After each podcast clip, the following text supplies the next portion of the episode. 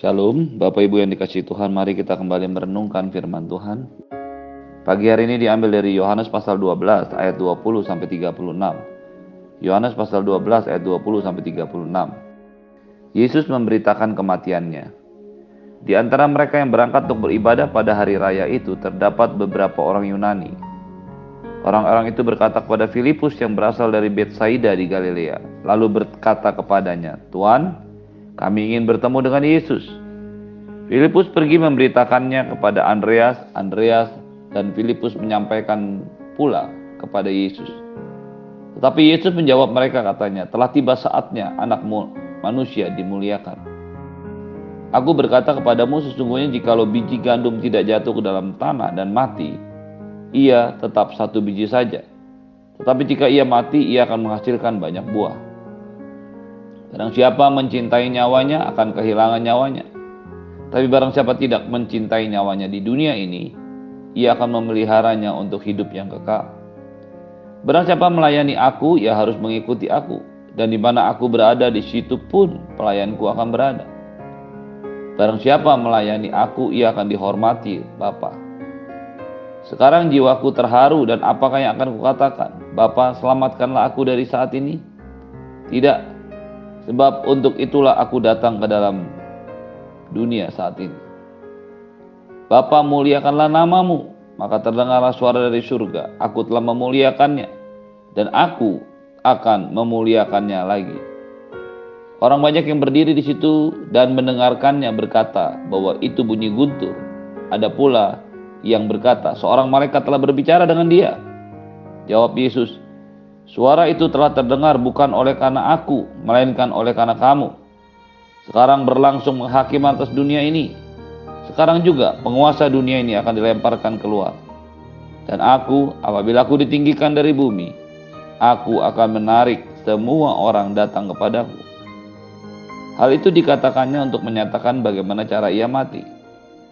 Lalu jawab orang banyak itu, kami telah mendengar dari hukum Taurat bahwa Mesias tetap hidup selama-lamanya. Bagaimana mungkin engkau mengatakan bahwa anak manusia harus ditinggikan? Siapakah anak manusia itu? Kata Yesus kepada mereka, hanya sedikit waktu lagi terang ada di antara kamu. Selama terang itu ada padamu, percayalah kepadanya, supaya kegelapan jangan menguasai kamu. Barang siapa berjalan dalam kegelapan, ia tidak tahu ke mana ia pergi. Percayalah kepada terang itu, selama terang itu ada padamu supaya kamu menjadi anak-anak terang. Sesudah berkata demikian, Yesus pergi bersembunyi dari antara mereka.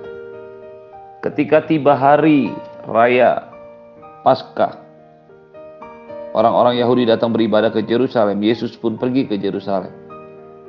Yesus tahu inilah waktunya untuk dia menyerahkan dirinya dan mati di kayu salib. Ketika ia bertemu dengan orang-orang Yahudi, mereka berusaha untuk membunuhnya dan juga membunuh Lazarus karena Lazarus dibangkitkan Tuhan Yesus dari kematiannya. Ketika orang banyak mendatanginya, Yesus masuk kembali ke Yerusalem untuk dielu-elukan, dihormati dan dihargai. Melihat penghormatan yang dilakukan terhadap dirinya, Yesus lalu memberitakan kematiannya. Di antara orang-orang yang datang untuk merayakan hari raya Paskah terdapat orang Yunani.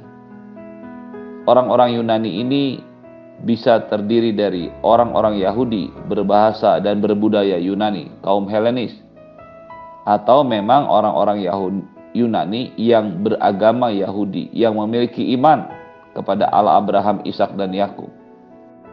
Ketika mereka melihat mereka datang beribadah di Yerusalem, mereka meminta izin untuk dapat bertemu dengan Yesus. Hal itu disampaikannya kepada Filipus dan Filipus menyampaikannya kepada Andreas.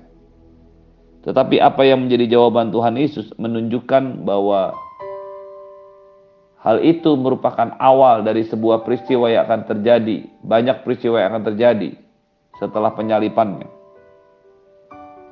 Yesus menjawab, telah tiba saatnya anak manusia dimuliakan. Kata anak manusia yang digunakan Tuhan Yesus menunjukkan sisi kemanusiaan dari keilahian dia. Kita tahu persis, kita yakin dan percaya bahwa Tuhan Yesus selama hidupnya di dunia adalah 100% Tuhan, sekaligus 100% manusia. Penggambaran anak manusia menunjukkan bagaimana Yesus mau bersama-sama menyamakan dirinya dengan Anda dan saya sebagai manusia. Kata anak manusia ini pertama kali disebutkan di dalam kitab Taurat, kitab Nabi-Nabi, Nevi'im, pada saat Daniel menubuatkan masa yang akan terjadi akan ada seorang anak seperti anak manusia, seorang anak manusia yang datang menghampiri orang yang lanjut usianya.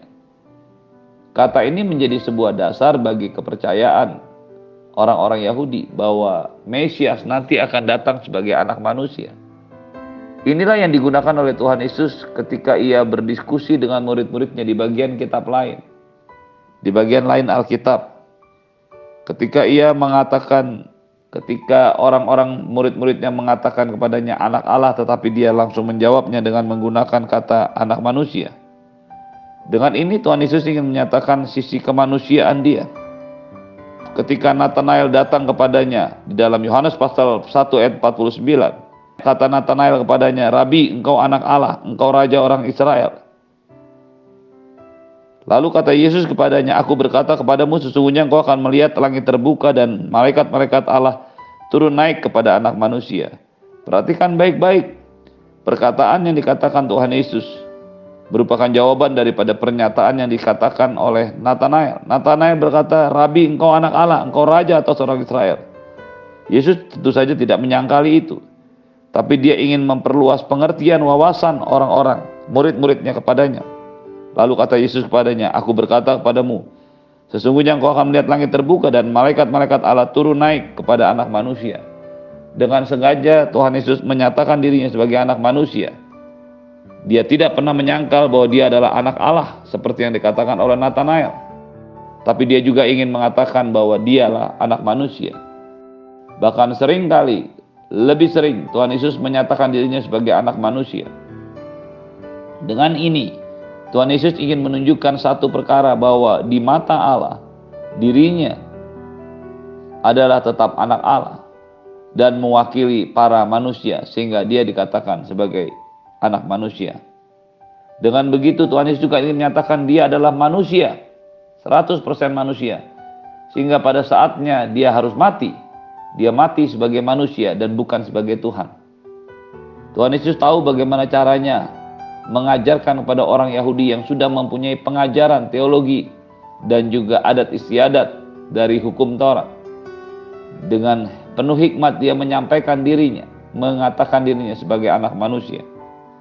Inilah yang menyebabkan di bagian akhir dari perikop ini orang banyak itu berkata kepadanya, kami telah mendengar dari hukum Taurat bahwa Mesias tetap hidup selama-lamanya.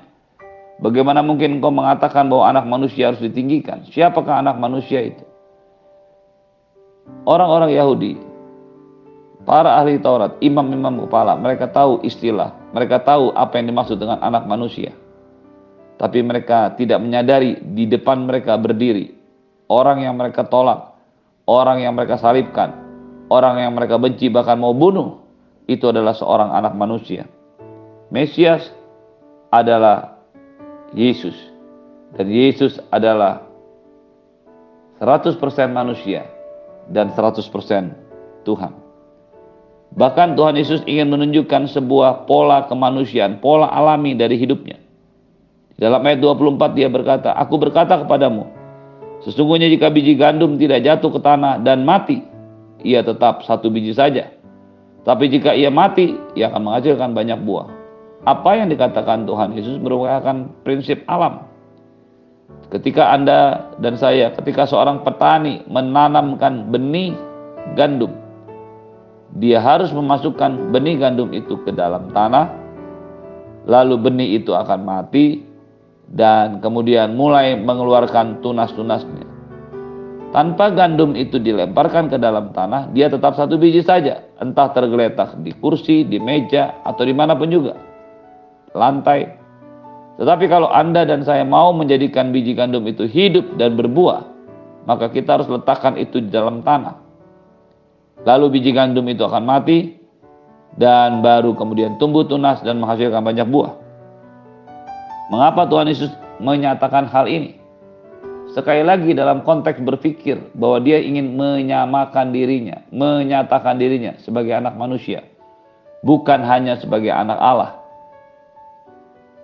Dengan mengikuti pola alamiah, dia lalu menyatakannya, barang siapa mencintai nyawanya, ia akan kehilangan nyawanya. Tapi barang siapa tidak mencintai nyawanya di dunia ini, ia akan memeliharanya untuk hidup yang kekal. Dengan kata lain, Tuhan Yesus sudah menyatakan bahwa satu kali, sebentar lagi, dia akan menyerahkan dirinya dan hati. Karena dari kematiannya, dia akan menghidupkan banyak orang. Dia sengaja melakukan semuanya menurut hukum alam, hukum yang berlaku sewajarnya pada waktu itu. Karena semua yang dilakukan Yesus di kayu salib menunjukkan keberadaan dirinya sebagai manusia dan bukan sebagai Tuhan. Ketika ia menyerahkan diri, menanggung dosa Anda dan saya, menyerahkan nyawanya kepada Tuhan, Semuanya dilakukan atas dasar kemanusiaan dia. Hal inilah tidak dimengerti oleh banyak orang yang mengatakan bagaimana mungkin Tuhan bisa mati. Pemikiran ini sudah ada bahkan sejak zaman Yesus masih hidup di dunia ini, di kalangan para ahli Taurat orang Yahudi.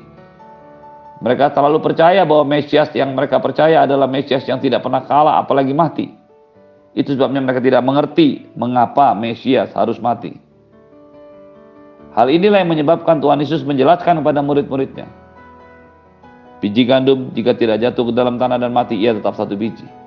Tapi jika ia mati, ia akan bertunas dan menghasilkan banyak buah. Dengan itu Tuhan Yesus ingin menyatakan sebuah propola hidup ilahi.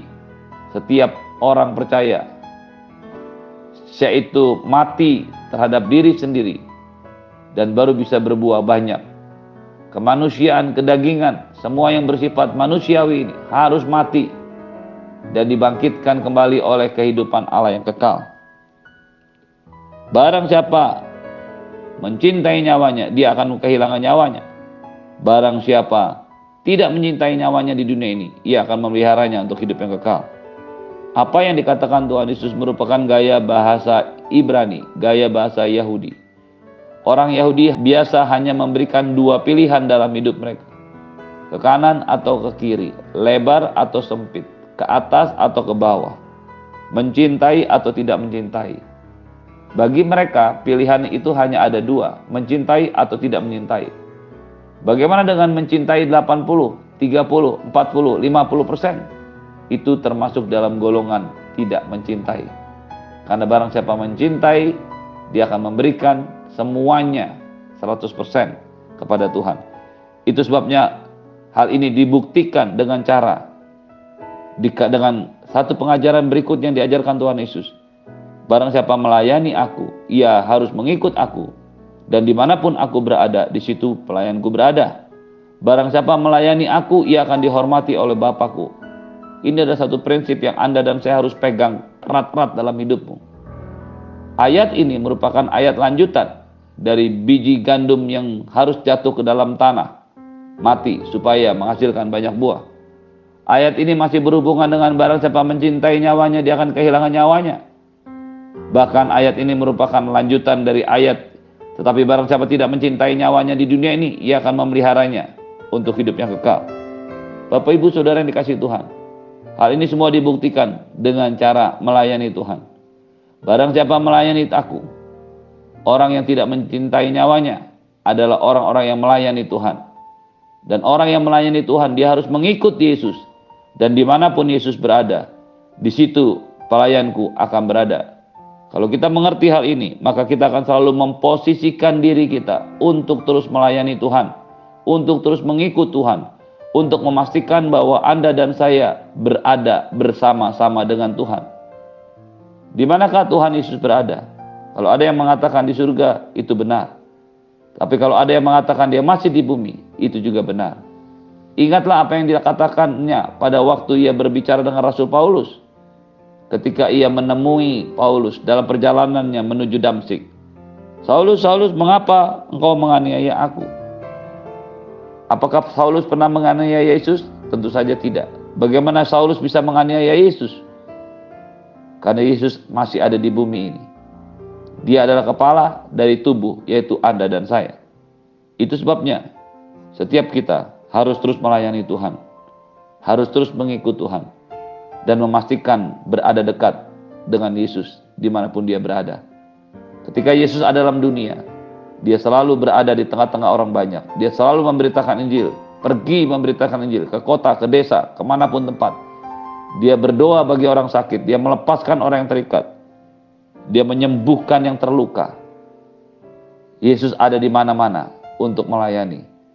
Sebagai pelayan Tuhan, sebagai orang yang tidak mencintai nyawanya di dunia ini. Anda dan saya harus memastikan untuk terus mengikut dia, untuk terus melayani dia, dan bersama-sama dengan dia di mana pun dia berada.